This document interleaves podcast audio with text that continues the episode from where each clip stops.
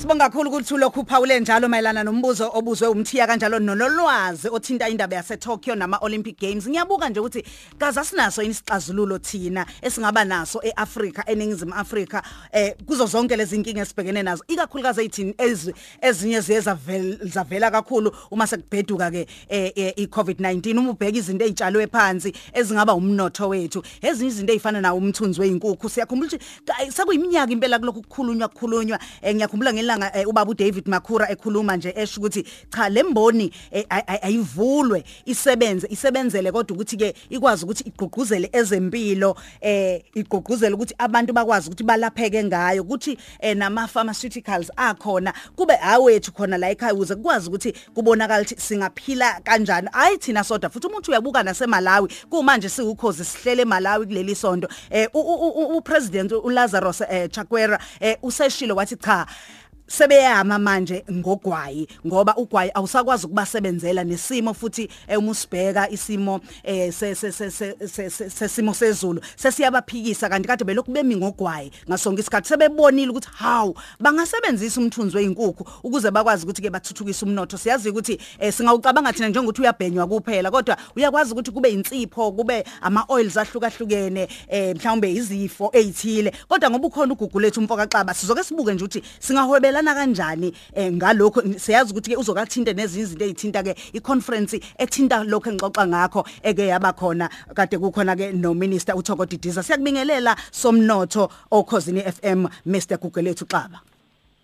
Shenge nabalaleli eh, nethimba lakho ngiyabingelela kakhulu. Mm ngiyazi ukuthi ke uyilalele le ndaba eh, uyabheka izinselele sibhekene nazo njengeAfrika eh, uyabuka nawo nemidlalo ayisezukuba khona kodwa khona ingqungquthele kade ikhona la okuqhanyuke nesinye isixazululo nesisombululo mayelana nezinto zethu esinazo njengeAfrika engakwazi ukusebenzela ezinye ithinta wona umthunzi weinkukhu Wedlula nje impela eh sondiya njoba usushilo ngeviki elidlule besikade sinenkomfa ehambe kahle kakhulu.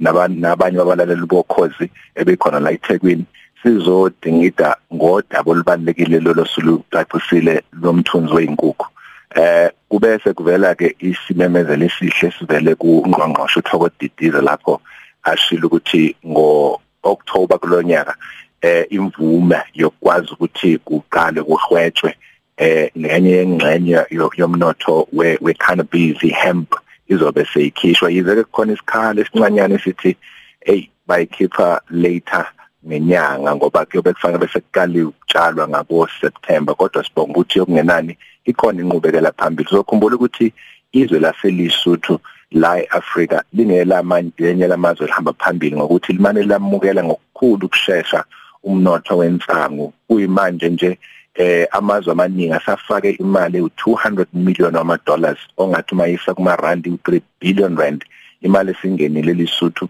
ngenxa yokwazi ukusheshsha ukuthi bamukele umnotho wensangu nathi ke asikholwa ukuthi uhulumeni wethu uzokwenza kusheshsha ngoba empeleni mroza eh icrisis lesibhekene nayo eningizimu Afrika befanele abe declare state of disaster ngenxa ye unemployment ekhona eningizimu Afrika kuze kukwazi ukusheshsha kumukeleke izinto eziningi ezoba lusizo ukufukula iningizimu Afrika iye phambili kakhulu. Sibonile ngo2010 World Cup sabona nangesikhathi sokhuvethelo ukuthi uhulumeni yakwazi ukuthatha eminye imithetho ayibeka eceleni asheshise izinto sengathi bebengenza kanjalo ke kodwa kwanamhlanje sibheka kakhulu mroza udaba olhambisana neAfrica Month njengoba sazi ukuthi sikuyona. Eh ukuthi ngeviki edlule besibuka ukuthi kuphi iAfrika iningizimu Afrika engakuthenga kuvela kwamanye amazwe angaphandle ikuletha ngaphakathi. Kodwa namhlanje asinje nqampu sibheke ukuthi ikuphi iningizimu Afrika engakukhipha ikususa ngaphakathi mm. ikusa emazweni angaphandle mm. Usalapho nje eh, kwezinye izinto mhlawumbe e, e, ezitshalwayo eh, iziphi izinto obona ukuthi singakwazi ukuma ngazo eh, umnotho wethu ume uzike mhlawumbe njengakho lokhu okuthinta yona mhlawumbe futhi ke ingabe insangu nani nani siyabheka futhi siyaqonda ukuthi kudingeka nama license khona khona lapho kuningi nje okudingakalayo. Ubona ukuthi mhlawumbe senze kanjani?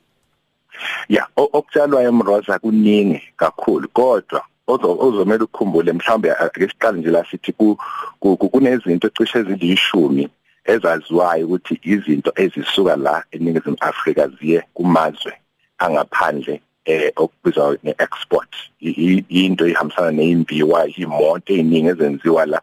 Yize ke kunezona izethu ngoba zakhwanga imishini njengaphandle kodwa yakhiwa khona la iassembly isho ngaphakathi.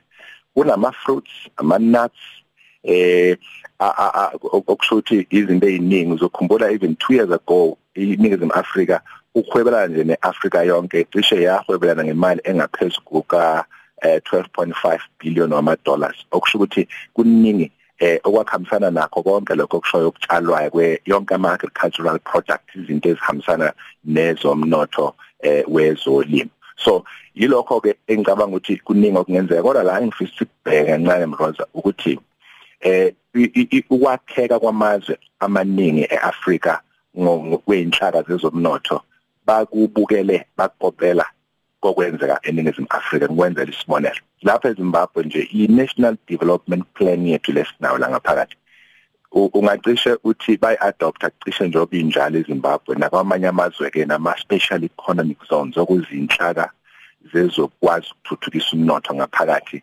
Bayathanda ukuthi babukele kakhulu ukuthi eningizimu Afrika kwenzakalani eh ukuze bakukopele kwenzeke emazweni abo. Isizathu ukuthi iningizimu Afrika yize siyizwe lesibili noma lesithathu ngobukhulu ngokomnotho eh ngoba lokuqala yiNigeria kodwa bese kuziningizimu Afrika ehamba ihamba ishintshane neEgypt. Kodwa ubukhulu bayo eh bukhulu ngalendlela ukuthi inqalazinda yayo nendlela ehamba ngayo ngezomnotho isibuko seAfrika yonke jikelele.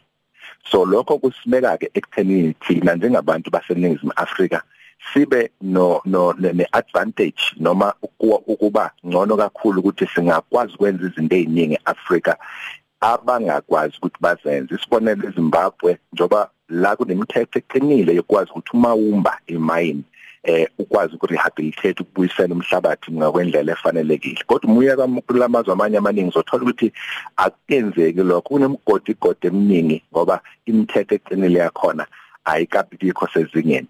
Abantu abakwi-consulting kwi-space esifana naleso bayakwazi ukuthi basebenzisane nabantu balawo mazwi ukuze balethe ukuthi ba-advise uhulumeni wakhona basize futhi ngemithetho ethile eh ekwazi ukuthi isize ezemvelo ngenza nje isibonelo. Nokunye kokuningi okuhambisana nokuthi ama skills wethu la ngaphakathi kwi-telecoms makhulu kakhulu esingawathatha siwase ezweni lazi lase-Africa sisize ekuthuthukiseni iAfrika ngoba eh iAfrika isadinga ama skills amaningi iSouth Africa enawo lapha ngaphakathi. Futhi idinga imikhiqizo eminingi iSouth Africa esivele ikwazi ukuthi yenze ngoba iyizwe elaziwa njengokuthi line lineyimbono eziningi ezinkulu kakhulu ukudlula noma yiliphi elinyizwe elikhona eAfrika kwazi ukukhiqiza imikhiqizo abanganayo abasayidonsa ngaphesheya kwezilwandle beyiletha ko ko ko Nigeria beyiletha ko DRC thina lapha eningizimu Afrika singakwazi ukuthi sihambise ama skills sikwazi ukwenza lezo zinto mm. Amandla omnotho no Mr Gugulethu umfoka xaba eh kusithokozisa kakhulu sibe kanye nawe. Ngiyazi ukuthi okuningi uyafisa ukuthi bakulandele. Mhlawumbe ungasikhumbuza nje ukuthi ke eh kuhambe kanjani bakulandele kuphi. Siyazi uye ube nama seminar ahlukahlukene athinta nawo ke ama license permits. Ngomhla ka4 June izobe khona inkomfa futhi yezimbuzi siyaqhubeka nokuqeqesha abalaleli ukuthi bangene bashiye kwimboni yezimbuzi kuzothi ngokuphela kwalenyanga bese yonke lento esiyikhuluma ngeAfrica month sigoqa nge-virtual seminar esobe simeme abantu base-America kwi-diaspora simeme abantu abaningi bezwekazi base-Afrika ngamazwe ngamazwe. Sizobe kuchazela ukuze abalele bazi ukuthi bafanele bakwazi ukuhwebelana ne-Afrika yonkana. Amandla omnotho.co.za website 0822 52217 bangasi WhatsApp abalaleli kuleyo nombolo.